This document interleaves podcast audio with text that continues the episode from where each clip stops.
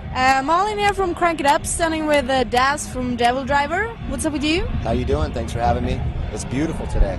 Yeah, it's Yeah. really awesome. Yeah, it's uh, you're gonna play here soon at the Getaway Rock. Mhm. How do you feel about the gig? Can't wait to do it, man. You know, and playing with Motorhead, it's a big deal. Yeah. Yeah, Have you played with them before? yeah, yeah definitely. Um, in the states, but we're you know we're looking forward to the gig, and you know we're on the downslide of the tour. We got another ten days left, so what a great way to Yeah.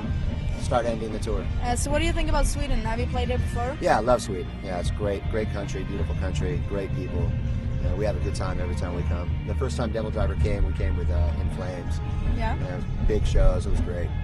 Nice. So what do you think about Swedish fans? Are they really into into you? They're metal. You know what I mean? They love it. So let's see how they do tonight when we open up the circle pit. See what they do. Yeah.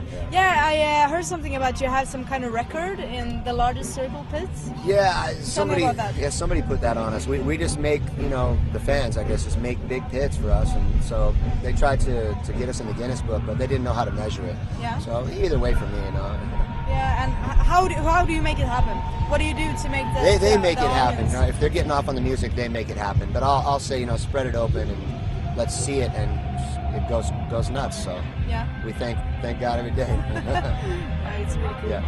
Uh, so do you have something new going on? uh, we do. We've got a new record coming in February, Yeah. and we recorded it. Uh, it's going. To, it's going to be mixed by Andy Sneap. Yeah. And uh, other than that, we got ten more days in Europe. We go home, and then we do Ozfest with uh, Ozzy, Motley Crue, and and Rob Halford.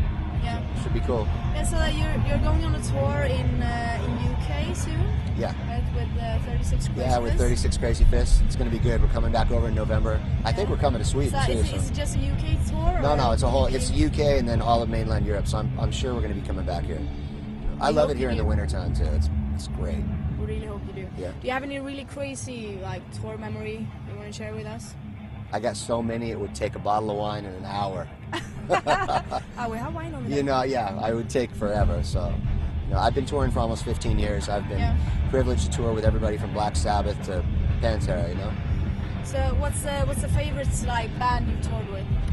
Uh, probably, Funniest. probably stadiums with Black Sabbath was something you know you can never forget. As a kid growing up on music, I'll, I'll never forget that.